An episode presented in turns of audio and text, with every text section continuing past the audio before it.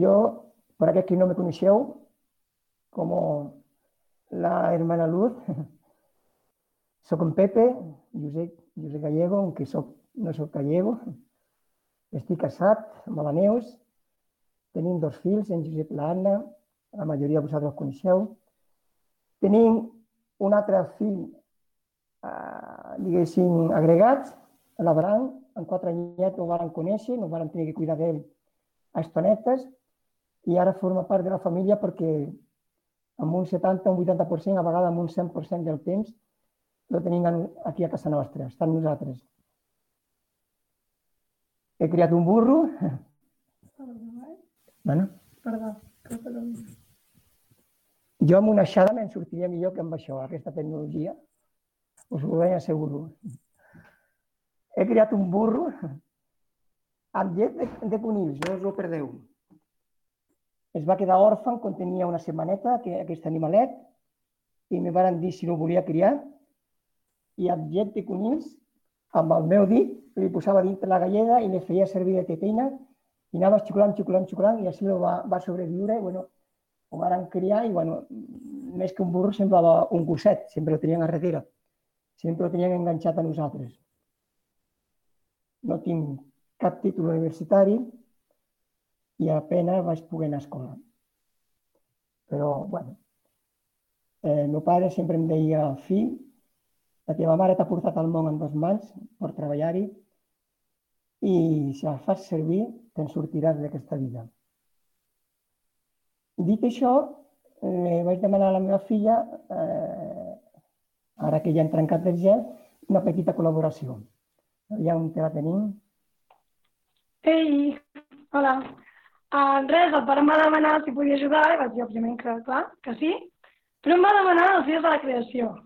Dic, ostres, és un tema que tothom coneix, tothom sap, i ara com ho explico de forma més original i no tan avorrida. I vaig demanar als meus nens, als meus alumnes, si m'ho podien explicar. Hem estat treballant la creació al principi de curs i vaig pensar, fuà, tenen tres anyets, callant, què tal ho fan? Jo vaig fer-ho, bueno, com us ho digui l'Isaac, ho vaig fer, vaig gravar els àudios tal qual. Dic, va, qui vol ajudar? I ells ho deien i gravàvem l'àudio. Recordo que tenen 3 anys, que molts la parlen, la tenen molt fluida. I res, i vaig anar en Santi i en Jess, i em podien posar el vídeo, i ja està. Sí, sí, els alumnes s'han ajudat. Fer la fe, el dia i el dit. De separar el agua y el ser. Ver luego a, a agua y a las fones. Déu va crear el sol, la luna i les estrelles. Déu va crear pàssaros i peixos. Déu va crear los animales Adán y Eva. Déu va descansar.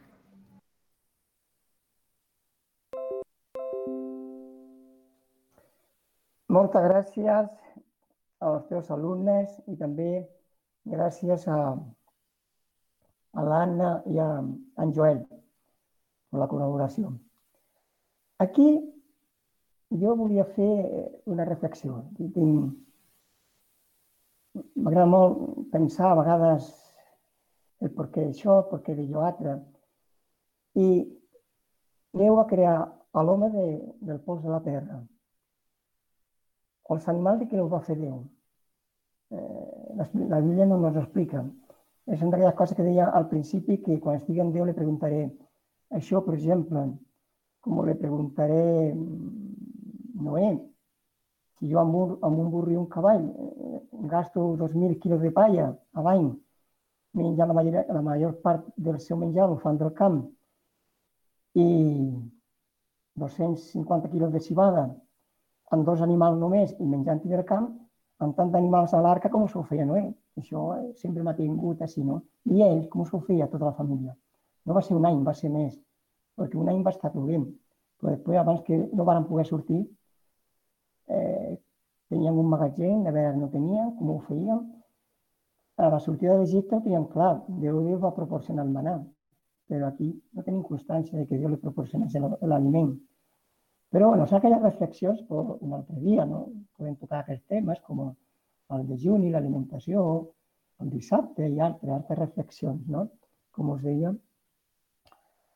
El que més m'agrada és que Déu va, què va fer quan va formar l'home de, la, de la terra?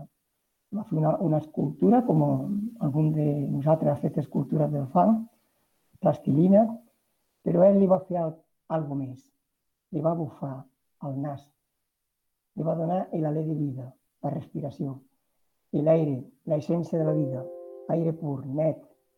És el primer aliment que necessita tot el ser vivent. I en canvi estem més preocupats per els aliments que per la respiració. Déu va dir tot era bo en gran manera després de cada dia de la seva creació. Adam entra en aquest món començant a viure amb una inspiració. Sense menjar, tots sabem que poden aguantar setmanes, dies. Jesucrist mateix va estar 40 dies en dejuni al desert. Hi ha hagut gent que han fet vaga de, de fam i aguanten molt de dies, van quedant dèbils i al final acaben morint, evidentment algun de nosaltres, jo per exemple, he estat fins a quatre dies en dejuni, per qüestió de, de malaltia, no? Però es pot estar dies, setmanes, sense aigua, també podríem aguantar probablement alguna setmana, menys que sense menjar. Però i sense respirar? Hores? És qüestió de minuts.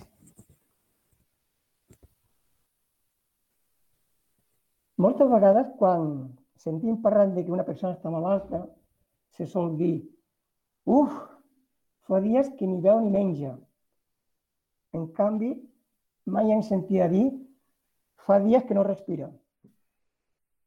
Per tant, segueixo insistint de que la respiració, l'alè de vida que Déu ens va donar, és el primer aliment que necessita tot ser vivent no solament el ser humà, sinó les bèsties.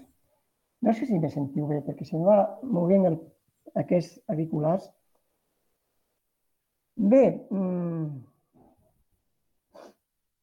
el nostre cervell és l'òrgan del cos parla, parla, parla. És l'òrgan del cos que més oxigen necessita. Aproximadament necessita un 20% de tot l'oxigen que respirem. És un òrgan que no fa una articulació en concret, com els braços, les cames, però és el que més feina té organitzant, decidint i donant ordres a les diferents parts del nostre cos. Ara vull entrar en un altre apartat que jo li, eh, titulat com tècniques de la respiració. Per què? Les tècniques de respiració haurien de ser poques i profundes. Vaig sentir una història molt bonica que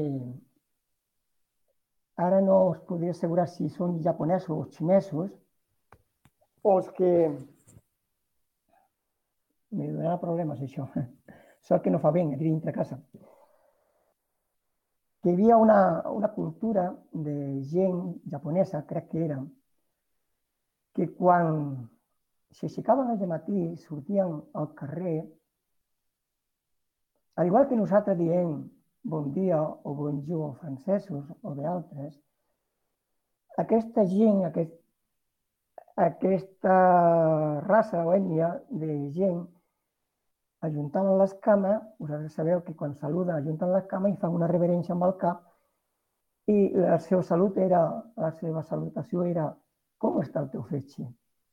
És per els seus rasgos facials, per la seva interpretació que tu t'aixeques al matí amb el gust de boca o, o altres símptomes, eh, poden arribar a, a instruir que el fetge estigui millor o estigui pitjor. Per això la seva salutació era com està el teu fetge? No era bon dia, sinó com està el teu fetge? Això és el que ells les preocupa, era la seva salutació. A Orient, la respiració la utilitzen com contemplació, mentre que aquí a Occident la utilitzem com a acció. Jo diria que aquí som menys impetuosos, més anem, a, anem per feina, que diem a Catalunya. No?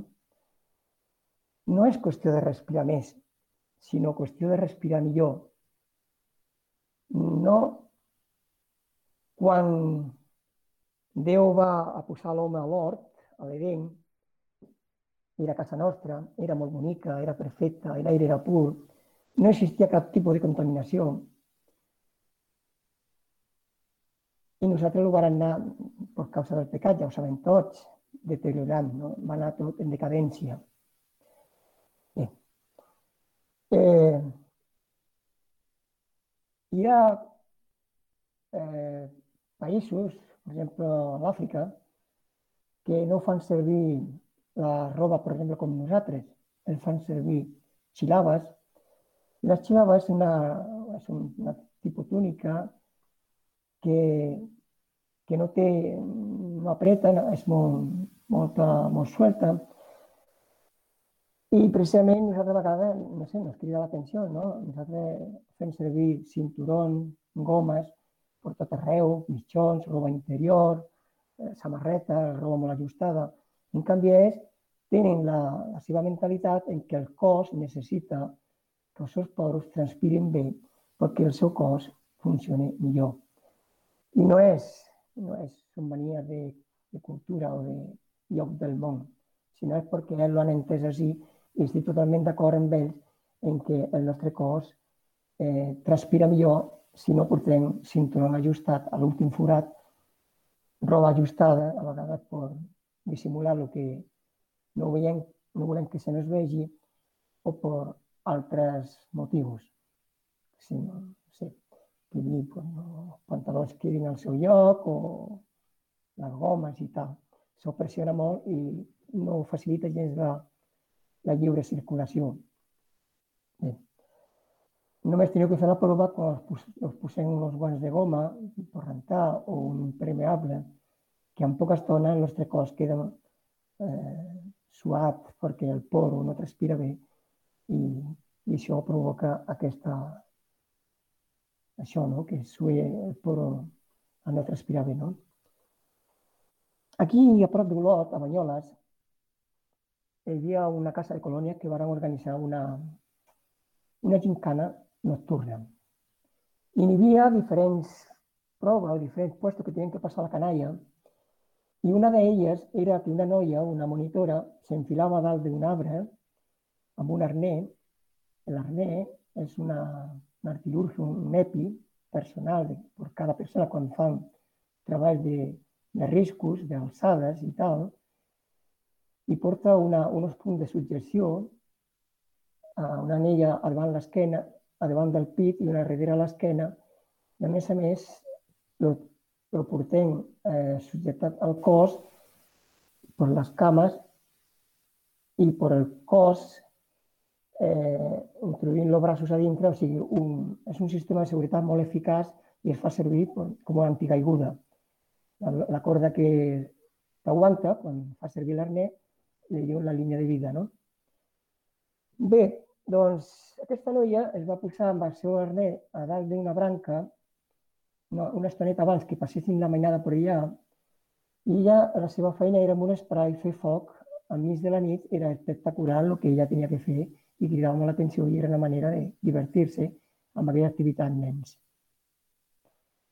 Bé, aquesta noia va sentir molt xivarri, va sentir molt de soroll, molt a prop seu, i em va deixar caure amb l'arner a un metre de terra, no arribava ben bé, però tampoc arribava a dalt de la branca per poder recuperar si era necessari la seva, el seu cos i tornar a descansar, reposar a la branca.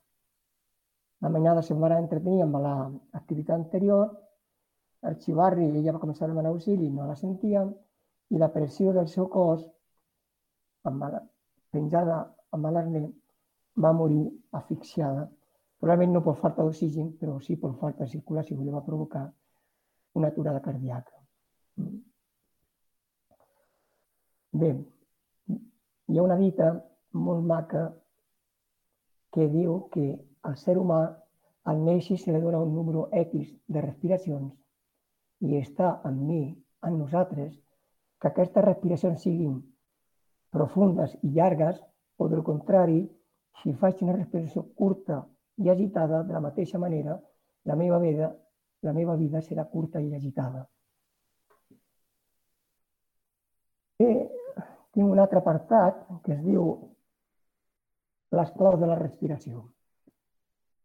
En canvi, la emoció canvia la respiració. Dedicar un minut al dia a fer un exercici respiratori, especialment per el nas, no ens seria gens malament. Seria el nas sabent tots que ens fa de filtre, agafar l'aire pel nas durant uns 4 o 6 segons, retenir-lo uns segons al nostre interior i a deixar-lo anar a poc a poc per la boca.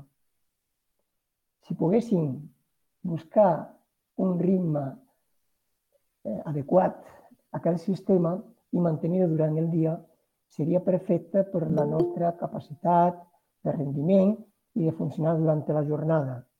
Mantenir un ritme ordenat, diguéssim, a la respiració, no? No ho sabem fer, no estem preparats, la nostra cultura encara menys. Som més de, com deia abans, Orient som de contemplació i Occident d'acció, anem més per feina. Respiració profunda és aliment. També el contacte amb la natura, l'aire i el sol també és un bon aliment. A l'inspirar, poder omplir la panxa. Això si no podeu fer la prova, vosaltres és molt fàcil. Ara fent aire pel nas, omplint la zona del malic d'aire. Ho retenim una mica, deixem anar i veieu com la panxa se torna dintre ho podem tornar a repetir i llavors omplint la part alta de l'abdomen o pulmons. Tornem deixant anar l'aire a poc a poc i hi ha gent, aquesta jo no la, la sàpiga fer mai, tampoc m'hi he posat, que és estirar-se al terra de costat i omplir una part de, de l'abdomen, d'esquerra o dreta, segons la, la part que tingui al terra, i després girant-se i omplir l'altra. Aquesta jo no, no l'he practicat mai, eh? però sé de gent que ho fa i segur que aquesta gent que practica eh, alternativa o altres o teràpia, no sé com se li diu, com Tai Chi o altres, segur que la practiquen, aquest tipus de respiracions. És molt important. Els adults, la gent adulta solen respirar unes 12 a 18 vegades per minut. No necessàriamente tienen por qué ser ni 13 ni 12, pueden ser 16 como pueden ser 11, ¿no? Però la cosa està, càlcul que, que esté fet més o menys, són entre 12 i 18 a un ritme normal. Eh? Ara tinc l'últim apartat, és una miqueta més llarg, que és per pensar o reflexionar. Jo ho titularia més com per reflexionar. Davant d'una mala notícia que nos donguin o d'un espant que hayan tingut, el pols se no acelera. No, però pols la important. La respiració. La respiració se nos agita. Respirar bé és un bon antidepressiu. Els motors de combustió eh, xerrat, motocultors, debrossadores, abans els cotxes, ara van automàtic, però abans els cotxes també, se li tenia que obrir una palanqueta que li havien obrir l'aire, però no s'engeguen. Abans, ara no, el cotxe és diferent. Abans no s'engegaven si no li obries l'aire. El foc mateix, una manera d'apagar-lo, d'extingir-lo, és que no n'hi hagi el postos tancat o que puguem obrir amb una manta a la que li treveng l'oxigen el foc s'apaga. Bé, diu que abans de picar-li a un nen quan es fa una mala infeta, haurien de respirar fins a 10 vegades i segurament no actuarien de la mateixa manera. El meu pare, la seva feina era pallès, però quan no tenia molta feina s'hi anava amb una colla de treballadors a fer pous, pous per aigua, manuals. I ara hi ha màquines, eh? llavors en aquella època ho feien manuals. I per poder sapigués quan tenien una certa profundària si podien baixar, portaven un ocellet engaviat, l'ocellet era feliç, perquè cada dia ho portaven a passeig al camp i ho cuidaven molt bé. I amb una corda el baixaven fins al fons d'aquell pou, que ja tenia una certa profunditat, i si durant uns minuts l'ocell estava bé, el pujaven i llavors entraven ells a treballar. Si hi havia hagut una mena de contaminació de gasos o així, que fos perillós, pues evidentment que no entren, no? Abans era sacrificar l'animal que no la vida d'un treballador, no? Les dones mateixes, quan esteu a punt de donar llum, què us diuen? Tranquil·la, respireu a poc a poc. Quan un infant, els que tenim fills, no l'hem posat a sobre el nostre pit, estem estirant al sofà o al llit, no s'adonem que se relaxen, s'adormen i les respiracions se solen sincronitzar és curiós. I això jo ho vaig viure molt, a part de l'experiència dels meus fills, que aquestes escenes l'hem viscuda com freqüència, amb el, quan el meu fill va portar un cavall que va portar de, del País Basc, que quan el va voler domar, li van aconsellar que li fes una doma natural. La doma natural és una doma que li parlen, que lo haria estar de tal manera sense picar-le ni fer servir cap artilurgi que li pugui fer mal, que li pugui posar histèric o nerviós a l'animal. No a la força, no al revés, pacíficament. Ell se l'acostava, encara ara ho fa, inclús jo, jo mateix també ho faig alguns dies, t'acostes a l'animal, lo acarícies, t'abraça al seu, al seu coll o puges a sobre d'ell, t'estires cap endavant sobre el seu coll i abraça amb els teus braços el seu coll i t'adones que després d'una estoneta el animal o tú, la respiración se sincroniza de tal manera que crea una atmósfera tan, tan agradable, tan maca, que sembla que n'hi hagi una connexió entre la bèstia i tu. És curiós, però és, és real. Eh? Tu, os, quan dic a vegades aquestes coses no les dic d'oïdes. En aquest cas, l'he experimentat. Jo cada vegada m'agrada molt fer senderisme, m'agrada fer cims, no, no vaig a l'Everest, però de la zona de per aquí a Catalunya conec uns quants i per aquí mateix a la Garrotxa m'agrada fer pues, eh, Puixacamp, l'Alta Garrotxa. Quan arribo a dalt m'agrada contemplar tot el voltant del, del meu entorn, agafo aire, respiro fondo, m'agrada llegir sempre Salmo 8. A vegades quan vaig en una colla, també m'agrada. El Salmo 8, que parla de la creació, m'encanta. El verset 1 que diu, Oh Jehová, Señor nuestro, cuán glorioso es tu nombre en toda la tierra. El 3 diu, Cuando veo tus cielos, obra de tus dedos, la luna, las estrellas que tú formaste, diu el 4 ja, què és l'home ¿Qué es el hombre para que tengas de memoria? Y el Hijo del Hombre para que lo visites. I a vegades, davant de l'infinit, som tan poca cosa, en canvi Déu no ho té en compte. Aquest salmo parla de la creació i és el meu salmo favorit quan, quan m'inspiro amb la creació del Senyor.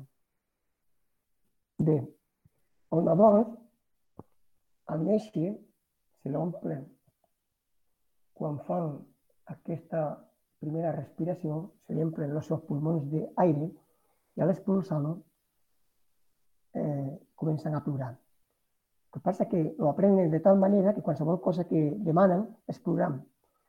Nosaltres, nosaltres els majors, també l'hauríem de fer.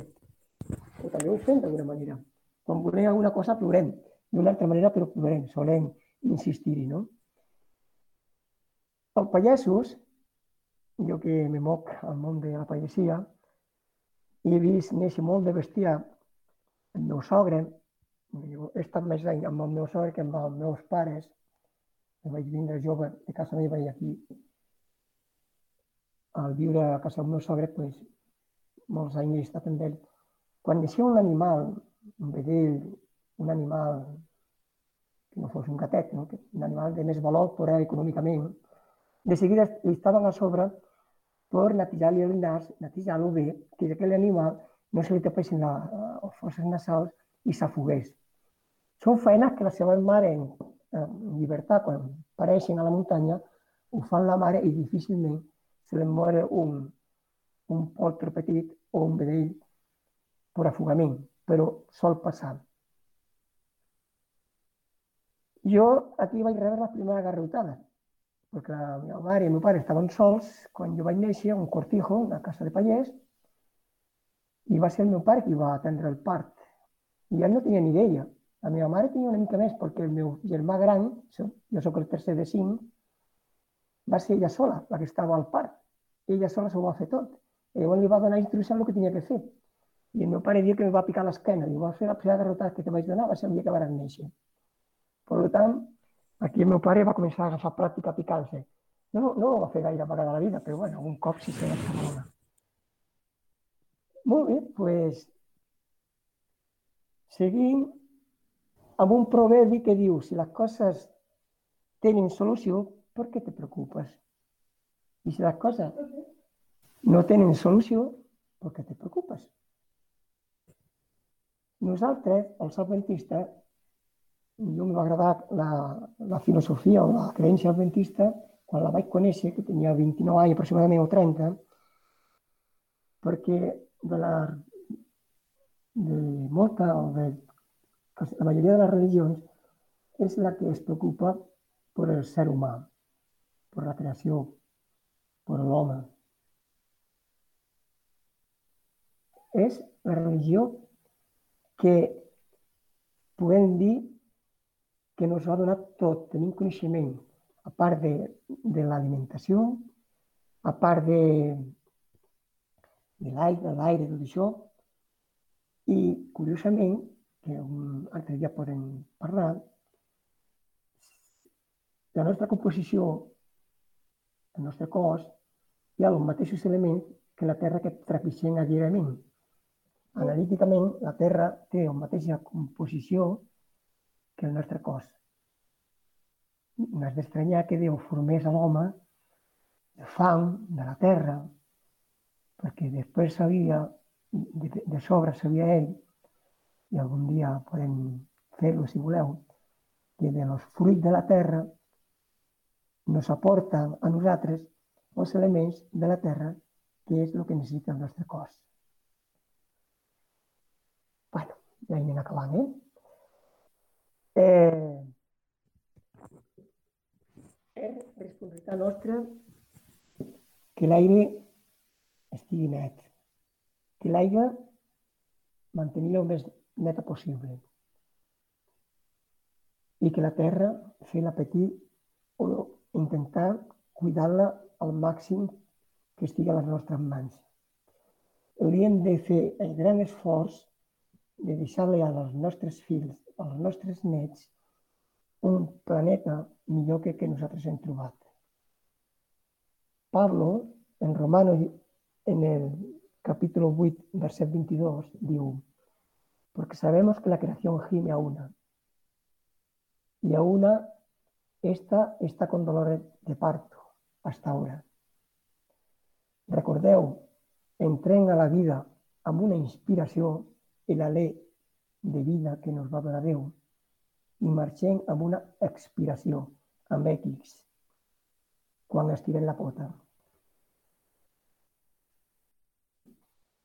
Estem on estem i estem com estem per desobediència. Caminem indiscutiblement per anar a un món millor. Aquest és el meu desig per cadascú de vosaltres, per mi mateix.